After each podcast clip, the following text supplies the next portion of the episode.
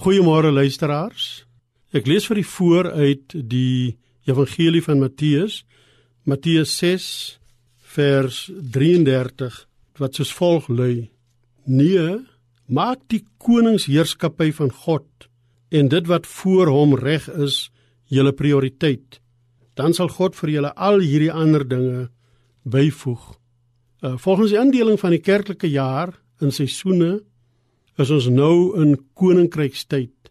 Daarom is dit dalk gepas om vir 'n oomblik stil te word en na te dink oor die teks uit Matteus 6 vers 33.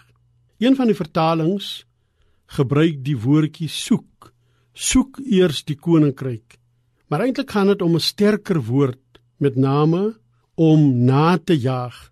Dus staan daar eintlik jaag die koninkryk van God na of soos in die geleesde teks, maak die koninkryk of die koningsheerskappy van God julle prioriteit. Dis nie altyd maklik nie, omdat die soort lewe wat ons lei ons steeds in 'n ander rigting dwing.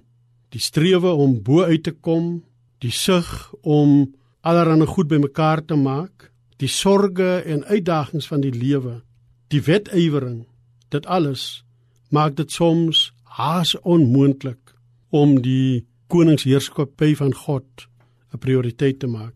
En daarom lees ons die teks soms gerieflikheidshalwe nie klaar nie en mis ons in die proses 'n belangrike element van wat daar staan, naamlik om te doen wat reg is voor God, om die geregtigheid van die ryk van God na te jaag.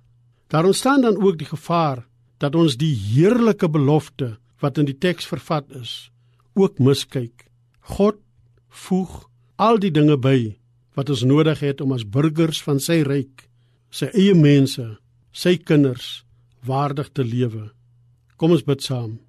Here God, U is ons Here en buiten U is daar geen ander nie.